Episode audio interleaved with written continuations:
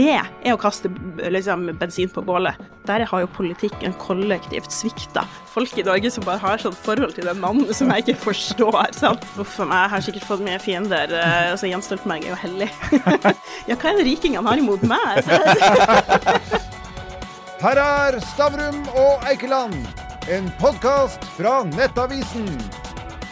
Velkommen til Stavrum og Eikeland. I dag så har vi med oss Kari Elisabeth Kaski, finanspolitisk talsperson i SV. For noen dager siden så hadde Stortinget besøk av Ukrainas president Volodymyr Zelenskyj. Han ber om én ting, nemlig panservernvåpen fra Norge for å beskytte seg mot russiske tanks. Det vil ikke SV han. Hvorfor det? Nei, eh, SV har eh, landa eh, i alle fall knytta til den første våpenleveransen som Norge har gjort, vedtak i landsstyret på at vi går imot det. Og jeg må jo si for min egen del, altså jeg var, har vært veldig tydelig på at jeg er uenig i den beslutninga. Um, jeg mener jo at Norge burde stille opp med våpen, og at ti år etter det første vedtaket til, til landsstyret til SV har vist at det er helt riktig å bidra med våpen til Ukraina.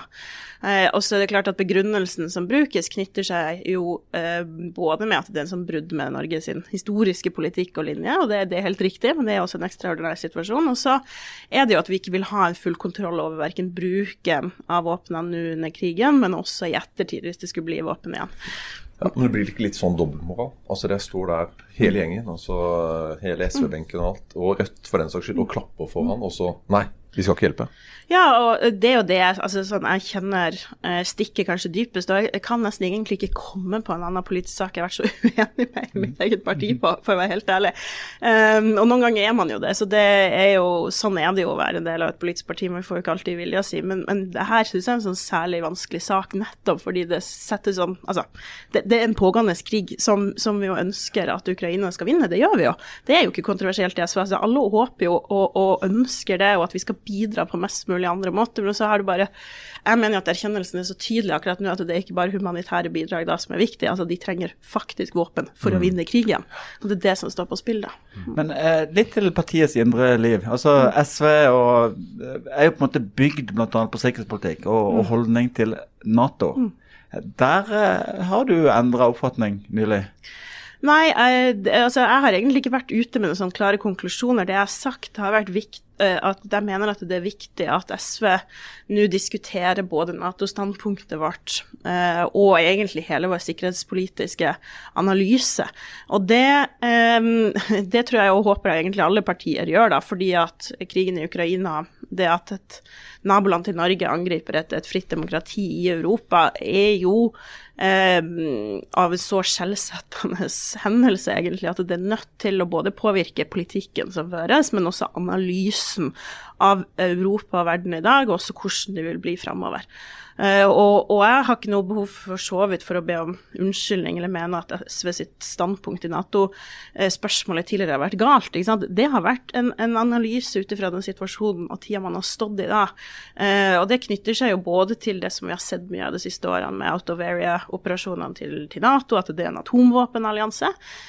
Men, men, som sagt, altså jeg mener liksom at en del fundamenter er, er dramatisk endra. Og det, det er ikke noe rart i et parti som SV, som nettopp er tufta på egentlig alliansepolitikk og sikkerhetspolitikk diskuterer det. da. Jo da, men okay. Før vi går videre, ja, okay. si, det er så deilig med en politiker som på en måte er villig til å endre standpunkt når virkeligheten har forandret seg. Det er jo helt åndssvakt å stå på samme standpunkt når verden rundt deg forandrer seg. Ja, og så jeg syns jo uansett altså sånn, Vi er jo, vi må jo være tenkende mennesker og et tenkende parti. sant? Det er mm. derfor vi holder på. Og, og politikken eh, må være oppdatert og gjeldende i tråd med det som faktisk skjer på bakken til ethvert tidspunkt. Da. Jeg, jeg, ser den, men på den annen side, altså, det er jo ikke første gang Putin holder på. så Nå er det Ukraina, men han har jo vært eh, litt rundt uh, tidligere. Så, så, det bør jo ikke komme som et sjokk at han kan gjøre det. Og da lurer jeg på alternativet til SV foreløpig er jo en sånn nordisk mm. allianse. Og Tror du virkelig at Putin blir skremt av en allianse bestående av Finland, Sverige, Danmark og Norge?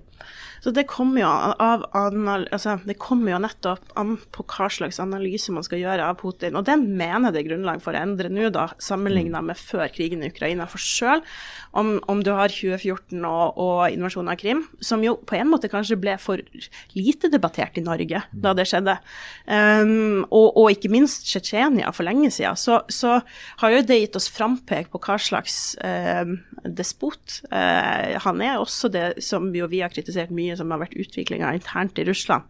Men det i seg sjøl har jo ikke gitt grunnlag for å egentlig forvente en fullskala invasjonskrig i et annet svært land i Europa, eh, mener jeg da.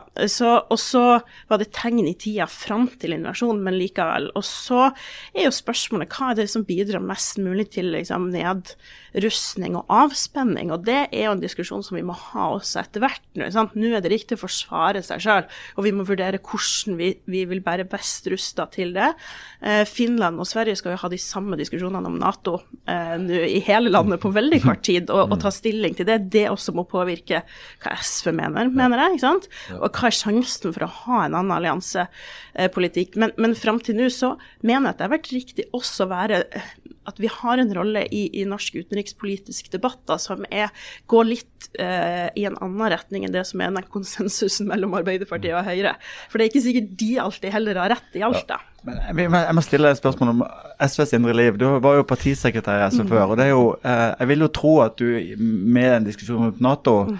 vil møte litt av de samme konservative holdningene som Moxnes møtte da han skulle forsøke å ta hvert kommunisme fra partiprogrammet i Rødt. Det, det er store miljøer i SV som er mot Nato, og som ikke kunne tenke seg Nato-medlemskap. Ja, og det syns jeg vi skal ha for så vidt respekt for. Nå tror jeg og håper da at Um, mengden folk med sånn sementerte meninger som jeg antar at du finner i Rødt, er litt færre i SV. Vi er jo et annet parti på en måte og en helt annen historie. Um, men jeg har veldig respekt for de folka uh, som sant, Mange av de har jo vært med å stifte det partiet her, liksom. På bakgrunn av uh, en, en, sikkerhetspolitisk analyse som, som, som, de hadde, og det var jo i etterkrigstida også, ikke sant. Så det var jo liksom i ei tid med kald krig og reelle trusler da også. Uh, og det skal man ha respekt for. Og, og, så har vi også de folka som ja, både kan være for Nato, men også ganske mange, tror jeg, som aldri egentlig har skjenka det så stor tanke.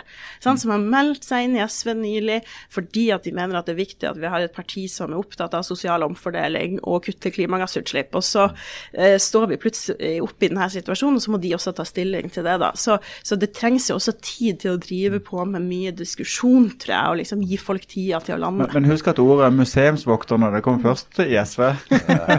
jo, men det har alle partier. Men bare en sånn siste igjen på, før vi går videre, vi skal ikke bare snakke sikkerhetspolitikk her. Men forsvarsbudsjettet, mm. altså mm. hvor mye vil dere øke det med? Altså, for dere må jo øke det betraktelig nå. Ja. ja. og det har vi jo ikke egentlig tatt stilling til ennå. Nå kommer regjeringa i morgen, fredag, da, eh, med, med detaljene i den nye tilleggsproposisjonen til budsjettet på økninger i forsvarsbevilgninger. Jeg tipper at det kan komme mer også etter det, i forbindelse med revidert budsjett eller i statsbudsjettet. Um, og så tenker jeg at det, da er det viktig med to ting. For det første, det, det er vi er for dårlige på i Norge, er sånn, hva er det de pengene skal gå til? Ruster vi opp nå til den forrige krisa? Tenker vi egentlig framover, liksom? Uh, for det er vi gjennomgående ganske dårlig altså, vi, vi, lager alltid beredskap for det som hendte forrige gang i det landet her, og det er sikkert en syke som gjelder andre land òg. Og så er det jo ja, nettopp den der totale vurderinga av pengesummen. Og jeg må innrømme, ikke sant? I SV så finner du egentlig også der det spennende, da. Mellom, mellom folk som er ja, vi har ikke så mange pasifister men som ønsker sant, å bygge nedrustning, så har du egentlig et flertall som vil jo at vi skal bruke mer penger på Forsvaret. Det er jo en konsekvens av vår alliansetenkning, sant? at vi må ha et sterkere norsk forsvar. Uh, og jeg står et sted midt imellom, for jeg syns ikke det er uproblematisk heller å bruke veldig veldig mye penger på forsvar, fordi det går jo på bekostning av andre investeringer du gjør i samfunnet. Og et samfunns totale beredskap er ikke bare hvor mange stridsvogner og, og våpen du har, det handler også om ellers strukturer og institusjoner i samfunnet. Så når det går på bekostning av f.eks. at vi bruker penger på skole eller, eller andre viktige ting da, for å holde befolkninga sammen, så, jeg, så tenker jeg sånn, det må må i hvert fall diskutere. De kan ikke være unntatt andre prioriteringsdiskusjoner som vi har i budsjettpolitikken. Da. Det er men da har vi i hvert fall et demokrati vi lever i, ja, ikke sant? og det må absolutt. vi forsvare. Det må vi forsvare. Spørsmålet er liksom og Dette er ikke for å si at vi, skal, vi, skal, vi må ruste opp nå, sant? Mm. Men, men, men, demokratiet forsvares i hvert fall i den moderne tid med mer enn bare stridsvogner. Eh, det, det, er helt sikkert. Og, og litt av sant, den motstand den, den store motstandskrafta som du ser i Ukraina akkurat nå, og som er veldig veldig imponerende, den skyldes jo også at folk klarer å stå samla i denne krigen her. Og det, Vi hadde jo trodd på forhånd at Russland skulle brukt mye mer ressurser og lykkes mer med å, å spre mistillit. Og, og, drive med mer falske nyheter og annen type propaganda. Og Det har du ikke lykkes med. og Det er jo liksom også tenker jeg, en interessant analyse. da. Hvordan klarer man å holde befolkninga godt samla? Mm. Eh, økonomi, stikkord inn mot skatt. Eh, en årlig nesten forteelse det er jo at du sitter i Dagsnytt 18 med eh, milliardær og skipsleder Herbjørn Hansson. Og Sist gang så ble du jo også invitert til Cayman Island med han. Mm. Har, har du dratt? For være med meg til Cayman Island en gang, så skal du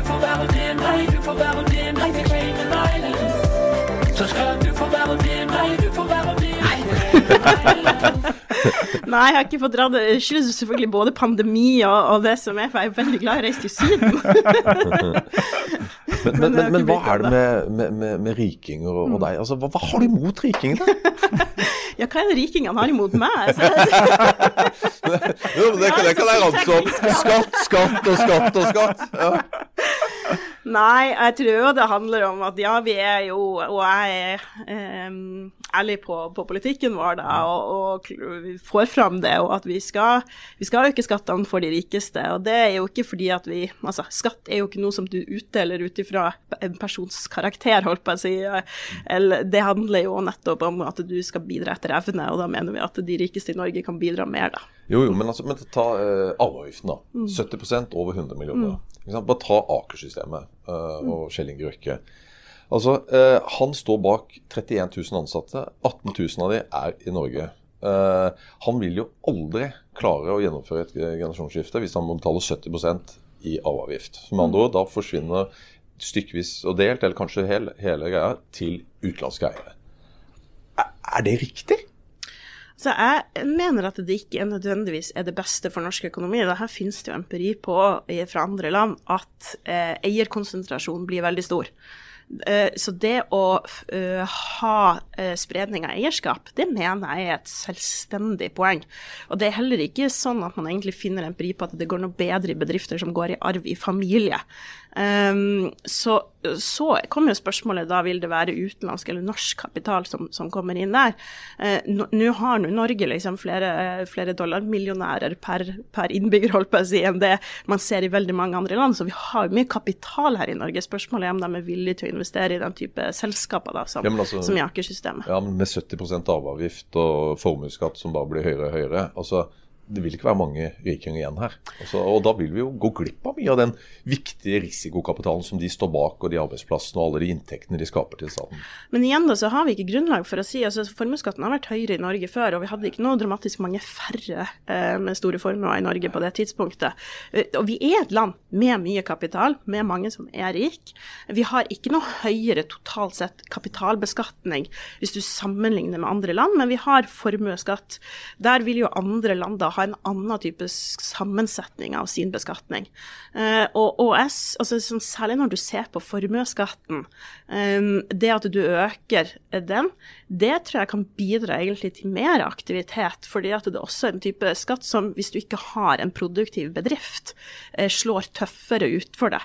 Så det å, i seg sjøl kan jo stimulere ja, til akkurat det. Det er jo da du trenger kapital. Det er jo da du trenger å stimulere til å få den bedriften til å bli produktiv. Ikke ta ut mer penger for at du må betale uh, staten. Altså, det, ja, det, det igjen da kommer jo an på hvordan du har drevet bedriften fram, fram til da, holdt på å si, og til det tidspunktet. Og, og, og altså, det at det finnes en formuesskatt der, innebærer jo at du må holde nettopp, du må være på tå hev, da. Og det tror jeg er sunt i norsk økonomi. Det er jo to veldig forskjellige ting, arveavgift mm. og formuesskatt. Men ta, snakk litt mer om arveavgift. Mm. Eh, for én ting er Røkke, men, eh, men, det er jo andre bedrifter i Norge hvor man, kanskje man har noen hundre millioner kroner i verdier i familien. Mm. Så leser jeg deg dit at du, du, tenker at uh, det har jo ofte skjedd at tredje generasjon kjører bedrifter i grøfta. Det, mm. det er ikke noe tragedie om ikke sønn og datter overtar bedriften etter gründeren? Ja, det er sikkert farlig, farlig, å si, og nå får jeg mange familiebedrifter på nakken, men det har jo for så vidt skjedd, skjedd, før. Men nei, jeg mener at det er ikke en tragedie, da, og at spredt eierskap er bra. Vi ønsker å, å motvirke den klare trenden som vi ser i Norges som og oppbygging. Um, og som er rike familier som blir rikere og rikere, og som samler penger uh, på, på, de samme få hendene i realiteten. Da tror jeg vi går glipp av talenter, og, og også en sånn skaperkultur som jeg mener hadde vært, vi trenger mer av i Norge. Uh, og så igjen da, så er det sånn, det å ha skatt er jo ikke en straff. Det er jo en vurdering av hva som er totalt sett det beste for, for samfunnet. Og vi må ha med oss bildet her også at ulikheter i Norge har økt betydelig de siste ti årene. Eh, og fjerninga av arveskatten i seg sjøl har bidratt også spesifikt til det, og til at formuen har blitt mer konsentrert. Det er ikke totalt sett bra for norsk økonomi. Nei, men vi har jo aldri hatt så mange som har levd av det offentlige heller. Uh, enten du går på trygd eller at du jobber i offentlig sektor. Og hvem er det som betaler for det? Jo, det er jo den produktive uh, næringslivet. Ja, selvfølgelig olje, uh, og nå har vi et oljefond, men det er jo et produktivt næringsliv. Og hvis du kveler det, så hva skal folk leve av etter? Altså for det første så er det veldig stor forskjell på det å investere i det offentlige, ha flere lærere og sykepleiere, og det har vi sett betydning av gjennom de siste årene, for å si det sånn. Eh, og det at eh, folk går på ulike former for trygdeordninger. Eh, det siste kan vi jo gjøre noe med. Der, det er jo for mange unge som blir uføre i dag, f.eks. Og det er jo et, der har jo politikken kollektivt svikta i, i, i, møte med mange av dem. De kunne, mange av de kunne og ville ha bidratt mer til samfunnet. Men det er klart at når et samfunn samfunn blir, eh, blir, rikt og har mulighet til det, så blir det jo ofte, og det mener jeg er en stor fordel, at man investerer i det offentlige. Det i seg sjøl kan bidra til å redusere ulikheter. Det at du har en utbygd velferdsstat. Eh, og det igjen da vil jo eh, være verdifullt også for eh, den videre økonomiske veksten til Norge. Det er f.eks. at vi har høykompetente arbeidere i Norge. Vi, eh, vi har hatt veldig høy produktivitetsvekst. Den har avtatt litt nå, som du ser i mange andre land også. Det i seg sjøl er jo en styrke for norsk økonomi, og det skyldes også investeringer i det offentlige. Ja, men, men, uansett, det er masse bra i offentlig, absolutt, det er ikke det vi sier. Men det koster. Det er noen som betaler for det. Hvis du kveler det som faktisk står bak inntektene, så er det vanskelig å opprettholde disse gode Jo, men det er jo et premiss da om at ja. vi driver og kveler det, og det gjør vi jo ikke. Det har vi ikke grunnlag for å si i Norge i dag. Tvert imot. Jo, jo, men altså, det, det eh, For å si det sånn, det finnes eh, ulikhetsforskere eh, som er økonomer internasjonalt, som, som, foreslår langt mer radikal politikk enn det, ja. fordi økende ulikhet i seg selv er negativ for økonomisk vekst. Ja. Eh, så, så, la oss også ha det perspektivet med oss. Men, men du har jo, det her er jo løsninger. Du gir 70 eh, arveavgift, og så flytter eh, sønnen til Herman Hansson til Monaco. Ja, det har han gjort. Da reduseres jo ulikheten i Norge, for han tok med seg penger til utlandet. en ja. vinn-vinn-situasjon. Vinn-vinn-situasjon. Nei, vi, vi, måler jo også ulikhet på, på mer uh, sofistikerte måter. Ja, egentlig så var jeg på vei inn, inn, i akkurat det. Nemlig som, Er det den generelle mm. ulikheten du er opptatt av, eller er det det at vi har mange i Norge som har dårlig råd? Uh, stor barnefattigdom. Vi har problemer med å betale strøm og, og bensinregning. Ja. Det er et kjempeviktig spørsmål, og egentlig eh, noe man kan diskutere ganske lenge. Sant? Hva slags parametere du ser på når du ser på ulikhet.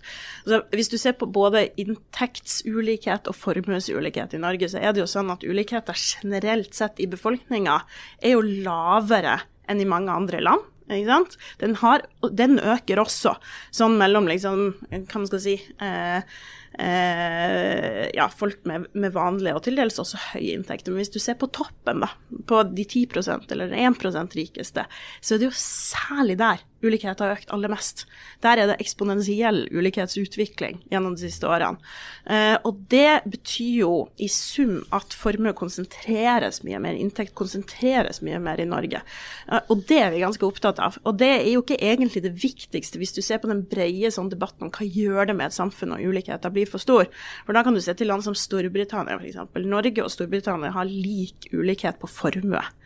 Eh, men vi er jo to, totalt dramatisk forskjellige land, bl.a. fordi at Norge ikke sant, ja, har jevnere fordeling eh, og i, på vanlige inntektsnivåer og utbygd velferdsstat. Men det er likevel viktig fordi både fordi vi mener at en konsentrasjon av formue i seg selv er negativt, og, og, i realiteten fordi at det kommer til å forplante seg også nedover, og det har man sett i andre land. Ja. Men er ikke altså den politikken som, som SV står for, bl.a. innenfor det grønne skiftet, da, mm. er, det ikke, er, ikke, det med på å bidra sterkt til den uh, ulikheten vi har, også den fattigdommen vi har blant barn i dag? Altså Strømprisene og sånt, altså de hadde jo aldri vært så Høie hadde jo ikke kjørt på bare ok, nå skal vi eh, kjøre på det grønne skiftet og bare olje og gass og, og jeff i det. Altså, er, er ikke det den politikken dere kommer med. Altså Naturgass var ikke en del av det grønne skiftet. Nå blir det det. Det det vil hjelpe. Men alt dette har bidratt til mindre investeringer innenfor naturgass osv. Er ikke det med på å bidra til dette? Nei, altså, nei det er det ikke. Eh, men, eh, og, og, barnefattigdommen har økt veldig mye de siste årene i Norge. Det tror jeg ikke har noe med det grønne skiftet å gjøre overhodet.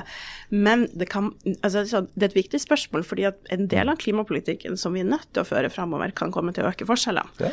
Eh, og det tenker jeg at vi må være ærlige på. Og, og jeg, det er derfor jeg holdt på å si jeg er SV òg, fordi at det, det, røde og det grønne henger sammen, da. Ja. Fordi du kan ikke forlange klimapolitikken fremover som må være ekstremt ambisiøs ambisiøs, radikal, hurtigvirkende, også skal ta seg av omfordelinga i samfunnet. Du finner ikke det perfekte virkemidlet for det. Så du må motvirke. Eh, og da må du enda mer kraftfull egentlig omfordelingspolitikk fremover for å, for å både motvirke klimapolitikkens negative utslag og, og, forsterke de. Så skal vi ha med oss at det vi vet av klimaendringer, er at det rammer sosialt skjevt mellom land, men også innad i land. Så det fins jo altså sånn Det å la klimaendringene gå sin gang vil også øke forskjellene og treffe dramatisk skjevt. Apropos det, eh, Fins det noen politikere som står lenger på deg, eh, med unntak av Sylvi Listhaug, enn eh, Marit Arnstad? Veldig godt spørsmål. Eh, altså, Marit Arnstad sliter ofte med å plassere henne, vet du, helt å skjønne, liksom, for jeg tror jo hun er, eller hun er uh, utvilsomt ei smart dame. Um, også for at hun spiller litt sånn en rolle av og til, uh, også for Senterpartiet sin, sin del. Hun, um, det utspillet hun hadde sist nå om klimamål og elektrifisering av sokkel, er jo egentlig mer eh, intelligent enn det overskriftene sant, kan få det til å handle om. Fordi sant, Her handler det om hvilke typer klimamål er det man ser på, hva er virkemidlene for, for å nå det. Eh, så, så eh, det er jo ganske sånn, viktige diskusjoner som vi er nødt til å ha, da.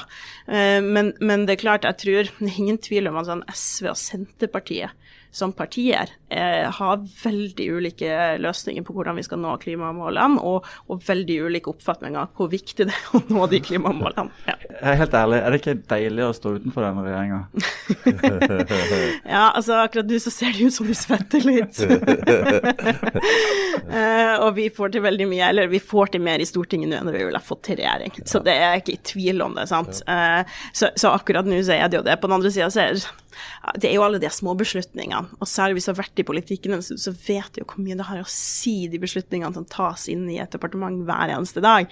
Så det må vi jo bare være ærlige på for oss sjøl òg, at vi går glipp av, da. Men, eh, men, jeg tror ikke vi ikke har fått til noe mer nå i regjering. Ja, men er ikke dette vi er inne på nå, er ikke det det som er krisen for Støre-regjeringa? Altså, de er jo mm. avhengig av dere. Men så er Senterpartiet og SV bare way apart. Mm. Altså, altså, hvordan, altså hva, hva, hvordan, kan dere sitte i en regjering med Senterpartiet? Altså, Frp og KrF og Venstre fikk jo til å sitte i regjering. og sant, vi skal jo huske på tross alt at i klimapolitikken, eh, en del av skattepolitikken, så er vi uenige, men også en del av skattepolitikken vi er veldig enige om. Eh, I distriktspolitikk så har vi mange, eh, mange fellespunkter, så vi, vi, klarer jo å finne sammen i veldig mange saker. Og det har jo sant, man sett på Stortinget også de siste årene. sånn SV, Senterpartiet og Arbeiderpartiet står sammen om mye, og det gjør vi fortsatt. Men, men det er klart, den tida vi lever i, setter jo en del av de spørsmålene der vi er mest uenige om på, virkelig på dagsorden. Det er det som er den store utfordringa, da. Mm. Ja. Men ikke, det er ikke så lenge siden du var ganske krass i finanspolitikken. Jeg har lyst til å bare høre hvordan du resonnerer. Altså, nå er jo eh, mange økonomer i mange land er redd for uh, stigende inflasjon, mm. uh, og de vil liksom bruke he heve renten for å få ned inflasjonen. Så sa du det var ikke du så bekymra for. Uh, hvordan henger det sammen? Nei, Jeg er opptatt av at vi ikke får panikk da, over, eh, over, prisveksten som vi ser i samfunnet. Sånn, hvis du tar bort eh, den ekstreme stigninga i energipriser, så er det egentlig ikke noe voksende inflasjon å, å bekymre seg for. Mm. Uh, og vi vet også at det skyldes på Ja, det er energi, og så skyldes det noe sånne propper i det internasjonale eh, varemarkedet, egentlig, liksom i etterkant av koronaen. Når det er sagt, så kan jo det bli langvarig i seg sjøl. Altså, vi ser jo at oljeprisen kan jo stige til 200 dollar fatet. Eh, Vi vet at strømprisøkninga også kommer til å bli langvarig. Så, så det er ikke med det sagt at vi ikke skal bry oss om inflasjon, men vi må ikke få panikk, er mitt, eh, mitt budskap. Og det er også viktig budskap, tenker jeg, til oss som politikere. fordi nå blir det litt sånn at alle ser til, til sentralbanken, til, til Norges Bank, og de har bare ett virkemiddel, og det er renteheving. Og i ei tid hvor det er så mange som kommer til å slite av de økende kostnadene, og ikke minst av økt rente fremover, så har jo vi som politikere også et ansvar til å si sånn, ok, hva, kan vi gjøre for å avhjelpe her, og dempe? Sånn, hva er det som faktisk bidrar til at inflasjonen øker i Norge også nå?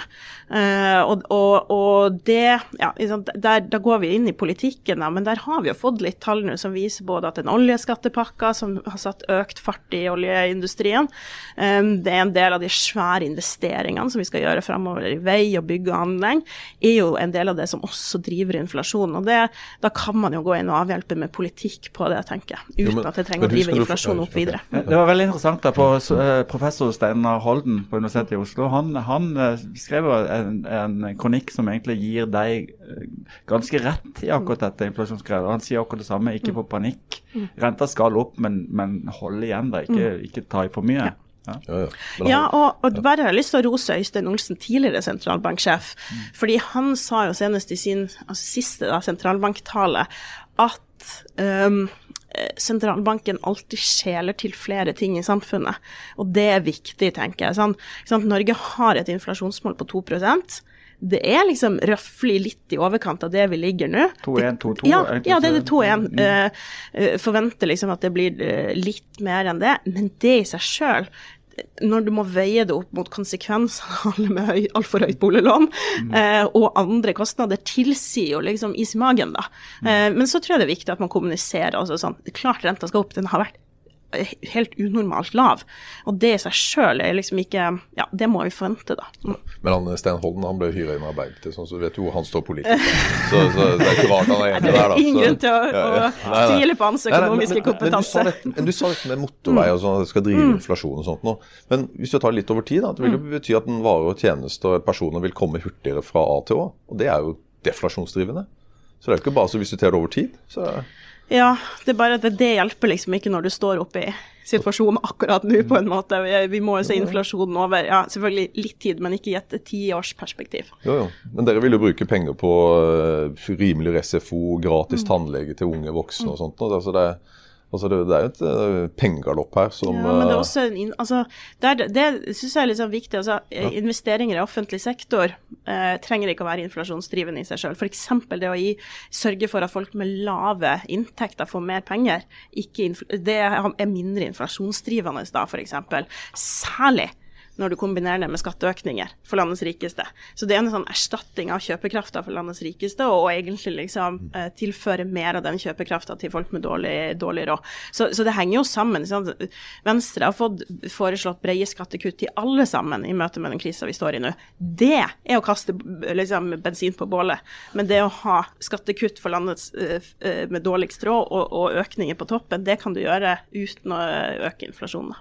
Men det er jo ikke bare folk, eh, minstepensjonister, som sliter med strømpriser som reelt koster det på en måte 6 kroner kilowattimen. Eh, på det verste, bensinpriser har vært oppe i 28 kroner eh, literen, og nå er en rente som stiger. Det blir tøft for ganske mange, kanskje ikke den siste 2% rikeste, men på veldig mange andre blir det jo tøffe tider. Ja, og det, altså, jeg tror vi som politikere skal være litt sånn ærlige på at det blir det, sant. Og, og min generasjon f.eks., altså jeg eh, har jo ikke eid bolig eh, med de forventa rentene som kommer nå, ikke sant. du har, Altså, pendlerbolig, sant? Fordelen med å være Oslo-representant, for å si det sånn, slippe å tenke på det der. Nei, men det er klart sånn, min generasjon, vi har jo hørt sånne historier fra 90-tallet med rente på 14% men vi er ikke i nærheten av å ta det innover oss, sant. Og, og det tror jeg du, det har du jo sett i måten sånn uh, gjeldsveksten har økt, og boligprisveksten har vært, og det har vi advart mot. Og så, så jeg tror du har liksom veldig mange unge som, som møter det her med et smell. Og så tror jeg at du har mange av foreldregenerasjonen og sånn, da, som jo liksom føler seg litt sånn entitled. òg, da, for sure, da har vi kommet oss gjennom det her 90-tallet, og så har vi opplevd den veksten i Norge de siste 20 årene, og så plutselig får du det her, liksom. Og det tror jeg treffer mange hardt. Så, så det er klart at Um, jeg tror vi skal være ærlige og si sånn dette kommer, det kommer til å bli dyrere fremover. Det som er politikken sin rolle akkurat nå, det er å forhindre økning i fattigdom og forskjeller i det. Så det er det som må være våre målsetninger, fordi en del av oss er nødt til å liksom kneppe inn, og det blir trangere. Sånn er det. Uh, og det kommer til å gå helt fint da, for oss som har god råd. Hvordan tror du det går med lønnsoppgjør nå?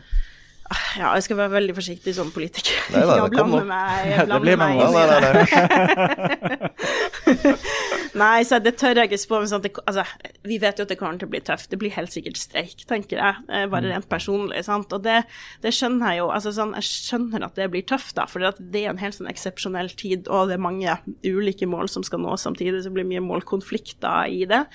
Um, og så er jeg opptatt av det, og det er jo liksom det jeg skrev litt om også i etterkant av sentralbanksjefens årstale, at det blir ofte sånn i en tid med, med voksende prisstigning og sånn, så blir det en, så ber man liksom lønnstakere om å utvise moderasjon.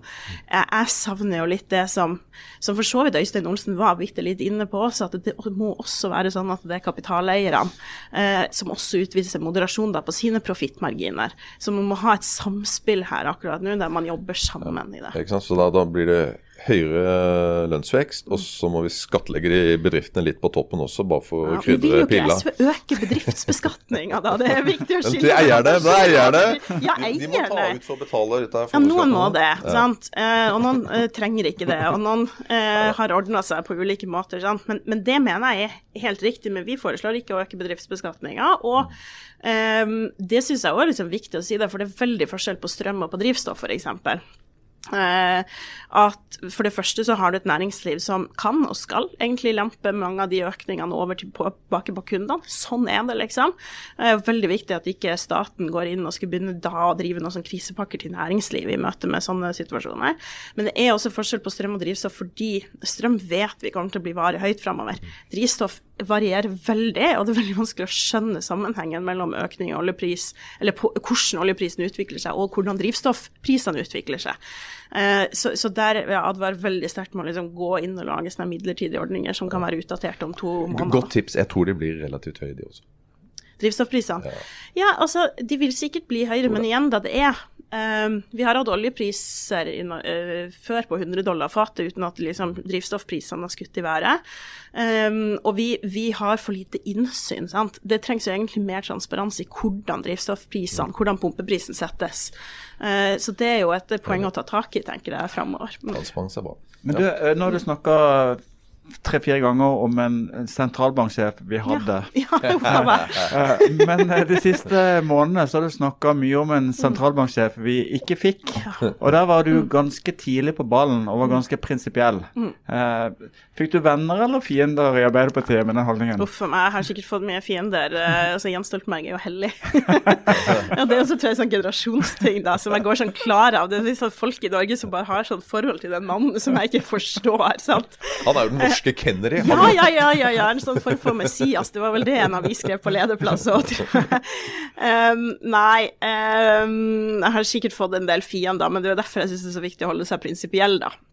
I sånne saker. Sant? Jeg, jeg, jeg kan jo masse personlige meninger om både Gjeld Stoltenberg og Ine Vollenbakke òg, men jeg kan jo ikke, det har, hører jo ikke hjemme noe sted som helst i den offentlige debatten. Jeg har ikke noen forutsetning for å gå inn i selve vurderinga av den ansettelsen.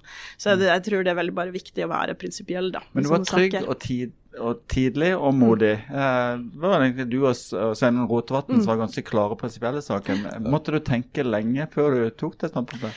Um, nei, for så vidt uh, ikke. Det satt uh, Jeg måtte for så vidt ikke det, men så måtte vi gå noen runder internt også, så det er jo lurt, liksom. Få andres eh, vurderinger og synspunkter og ja, tenke seg om, da. Før man bare kjører ut. ja, ja, men det er egentlig ikke så mye partidemokrati som bare sånn lurt å prate med folk før man går rett ut. eh. Men det er jo interessant. altså sånn, Tina Bru også kom jo etter hvert fra Høyre og var, var klar. og Vi har liksom kul finanskomité òg med mye, mye folk i 30-årene som, som kanskje ser ting litt annerledes. og Jeg går litt klar av en del av de der litt sånn inngrodde tradisjonene som vi har i Norge, da. Så det syns jeg er interessant. men, men nå er vi inne på Norges Bank, og da oljefondet er jo en del av det. Mm. Um, også dere vil jo uh, ha litt mer kontroll med, med oljefondet. Mm. Uh, Bl.a. ha et sånt uh, kontrollorgan som skal ligge direkte under Stortinget. Mm.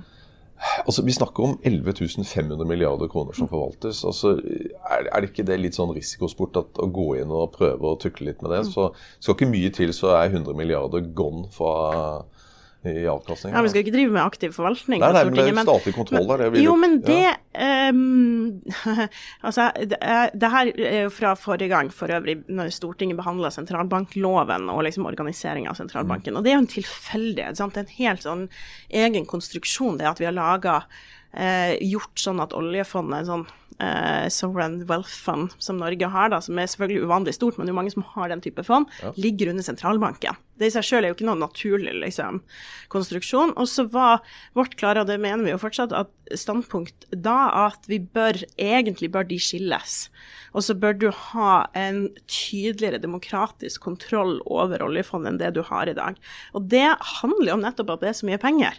Eh, og, og altså Nå sitter jeg i finanskomiteen, og vi behandler jo årlig en fondsmelding. Eh, så vi kan jo styre i, i, det store, men vi har egentlig veldig lite sånn feeling og kontroll på forvaltninga. Um, og det igjen, det handler ikke om sånn Vi kan ikke drive på med for, forvaltning fra Stortinget, men vi må vite uh, og, og, ha bedre ja, styring på hvordan det skjer. Og jeg syns jo for øvrig at hele diskusjonen rundt sentralbanksjef illustrerer egentlig litt hvorfor du bør ha et skille der. Men det kan ikke være gjort over natta, og det må utredes skikkelig. Så vi var ganske skuffa over at Gjerdrum-utvalget ikke hadde sett på bedre modeller for det. Mm. For jeg tror ikke vi kan sitte og snekre en sånn modell på Stortinget. Jo, men, men vil... igjen, igjen, så pirker du jo borti sterke maktposisjoner mm. i Norge. Sånn? Finansdepartementet, Norges Bank, eh, Statistisk sentralbyrå, Sosialøkonomisk institutt på Universitetet i Oslo. Og, sånn. Eh, og prinsipielt så er, er, vil jo mange være enig i at det er jo ingen grunn til at oljefondet skulle ligge i Norges Bank. Nei. Ja, men du får ikke flertall på Stortinget for å gjøre noe med det? Nei, jeg tror ikke det. Jeg tror det er vi og Venstre kanskje som, mm. som mener det. Mulig det andre også som har konkludert med det samme. Så, og sant, som sagt så tror jeg sånn, Tida nå er i hvert fall ikke riktig gitt at vi står i krise og sånn. Vi kan ikke drive og bale med det, med det nå. Men jeg syns vi skal holde debatten litt levende da, om det her er riktig organisering eh, av det, rett og slett. Fordi Eh, ja, nettopp fordi det er litt uvanlig, egentlig. Og sentralbanken har jo en del andre svære og viktige oppgaver som blir veldig sånn sugd inn i oljefondsdiskusjonen for tida. Mm. Men, men, men, det vil jo pålegge uh, at man investerer i fornybar infrastruktur. Uh, det vil trekke oljefondet ut av fossil energi. Mm. Og det er sånne ting som fort kan påvirke avkastninga, ja. for å si det fint. Ja, ja. Og da blir det fort veldig mye penger. Det kan bli 10% av et statsbudsjett bare borte jo, sånn. Men, altså, historikken viser at det har vært helt riktig at politikerne hadde meninger om hvordan vi forvalter det fondet. Altså, sånn når SV første gang begynte å snakke om etiske retningslinjer i det hele tatt for fondet, så var jo det helt uhørt. Møtte med akkurat de samme motargumentene. Så gikk det jo noen år, og så var alle kjempeenige om det. Sånn har vi holdt på. Sammen med at det skal være et miljømandat der, som for øvrig har høyere avkastning enn resten av fondet. Um, og, og, at vi skal etter hvert så har de etiske retningslinjene nettopp blitt trakt Man har lagt på ulike momenter argumenter på det. Og det med fossil energi, det mener jeg er økonomisk klokt. Altså, eh, og det var jo diskusjon rundt også den lille som vi hadde om oljeselskaper. Altså, Norge er overeksponert overfor fossil industri åpenbart. Og det er noe rart med at vi skal putte de samme pengene liksom, som vi har tjent på norsk sokkel, også inn i oljeselskaper som vi er avhengig av. Altså, det, det, eh, da blir, du treffes vi jo dobbelt så hardt da, med nedturer i oljeindustrien. Så, så det finnes det jo gode argumenter for å si sånn her må vi diversifisere og spre risiko på, på andre vis. Når det er sagt, da, så, så syns jeg sånn, sånn, forvaltningsstrategien overordna sett må være spredd utover i mange sektorer. Det er lurt. Eh, det kommer til å innebære at vi investerte i en del selskaper vi ikke liker. Det må vi liksom akseptere. For vi får ikke fjerne alt, sånn at vi må ta de viktigste tingene. Eh, men vi bør være investert i færre selskaper. Vi har investert i for mange nå. Det er vel 9000, og så er det vedtatt at vi skal selge oss ned 2000-3000 selskaper. Og det er veldig, veldig klokt. Nå forsvant det noen russiske, da. ja. Men det var faktisk vedtatt det var faktisk vedtatt fra Stortinget allerede. De bare har somla altså, med det nedsalget. Dere var forut for deres tid! Sorry, jeg tar, trekker alt tilbake. dette, dette er jo en podkast som er på en måte liberal og tolerant. Så vi, vi, vi tar jo imot representanter fra, fra ikke all verdens gode miljøer. F.eks. folk på Stortinget, der det er jo kriminelle alle mann. Litt seriøst, eh, hvordan ser du på eh, holdningen til eh, politikere etter alt som har vært rundt pendlerboliger? Nei, altså jeg, jeg tror vi over, alle vi som er politikere merker jo eh, Vi merker veldig godt konsekvensene av de enkeltsakene, og, og mer enn bare enkeltsaker òg, liksom. Eh, eh, for de slås jo med rette stort opp, det skal de gjøre. Og så er det jo forskjell på de sakene, for du har veldig sånn klare forskjeller mellom det som er sånn rot, og det er en del av, ulike årsaker, og det som er sånn clean cut svindel og, og klar sånn tuske til seg penger, liksom. Uh, så nei, altså jeg syns det er skikkelig vondt, altså, fordi vi vet jo at tilliten til både politikere og samfunnsinstitusjoner i Norge er, altså at den er høyere enn i mange andre land, men den er fallende. Og det tror jeg vi kommer til å merke over tid, at det her rokker ved, ved tilliten til oss. Og da hjelper det liksom ikke å si sånn det er forskjell, fordi det har liksom gjeldt omtrent alle, alle partiene. Og vi kan ikke vite liksom sånn kanskje, altså Selv om vi har et stort fokus hos oss, så kanskje skjer det oss i neste sving, liksom. Så vi må bare Ja. Det, Men, det er en sånn kollektiv, kollektiv, jobb da vi må gjøre for å få tilbake tillit, rett og slett. Altså Du sa at det var noen, noen uh, saker som var det er jo rett og slett bare rot, mm. men, men, er ikke det litt for enkelt å slippe unna med bare rot? Altså, jeg, jeg, tror ikke Nav hadde kjøpt den. Nei, nei, men jeg er helt enig. Altså, det er ikke for å slippe unna, men det er forskjell på de sakene. Og en del av de skyldes liksom, En del av det pendlerboligsakene og sånn, der har det jo vært 48 ulike beskjeder fra administrasjonen og skatteetaten, og det er fortsatt saker som pågår i diskusjon mellom Stortinget og skatteetaten. Og der, der, er min sånn klare opplevelse at du har, ja det er mer rot, men du har noen pendlerboligsaker som også er sånn bevisst svindel, da, etter, etter, mitt syn, for å få mer penger enn det man har krav på. Men, men, men, men, men jeg helt, altså sånn, mm. Det er jo derfor SV har foreslått at Nav faktisk skal være kontrollinstans. da, ja. eh, Fordi at Nav har systemer for det på en annen måte, og det skal være likt. Og så syns jeg Nav er urimelig streng i mange sammenhenger. Så vi kunne jo kanskje ta den politiske debatten om sånn Vi skal ikke cut som slack for folk. Liksom. Men jeg, har bare lyst til å sitere min, min gamle far. Han satt som statssekretær i Gros regjering på, på 80-tallet. Jeg, jeg vet jo det. Det er jo galskap. Og, og han hadde en sånn eh, pendlerbolig. Og han bare sitter og sier Faen, Ole! Det er bare piss dere sier! De der reglene er så enkle som bare det. Så det er bare rein svindel uansett. Ja. Så det er jo ja, da, det er men, noe i det, tror jeg. Jo, altså. nei, men det, det, tror jeg ikke har vært altså, På en del av de der, liksom Altså, det er ikke min eh, Jeg har ikke så veldig stort behov for å sitte og forsvare en del av de, men sånn, noen ting har jo vært reelle sånn Vi har en stortingsrepresentant hos oss som har hatt pendlerbolig og krav på det, men som også sant, har bodd hjemme hos foreldrene. Altså, fyren var veldig veldig ung da han ble valgt inn på Stortinget, så han bodde i kollektiv, liksom. Eh, og der har jo administrasjonen i fire e-postutvekslinger sagt at han gjør alt rett. Så det er jo en sånn sak som står akkurat nå og liksom stanger mellom skatteetaten og Stortinget. Og han, hva skal han gjøre da, liksom? Eh, du forholder deg jo til på en måte det Stortingets administrasjon ber om. Så er heller ikke min intensjon å kaste for så vidt administrasjonen under bussen, men det har vært ulik regeltolkning, og derfor har det blitt komplisert. Så man må liksom rydde opp. Gjør de greiene jævlig enkle, sant?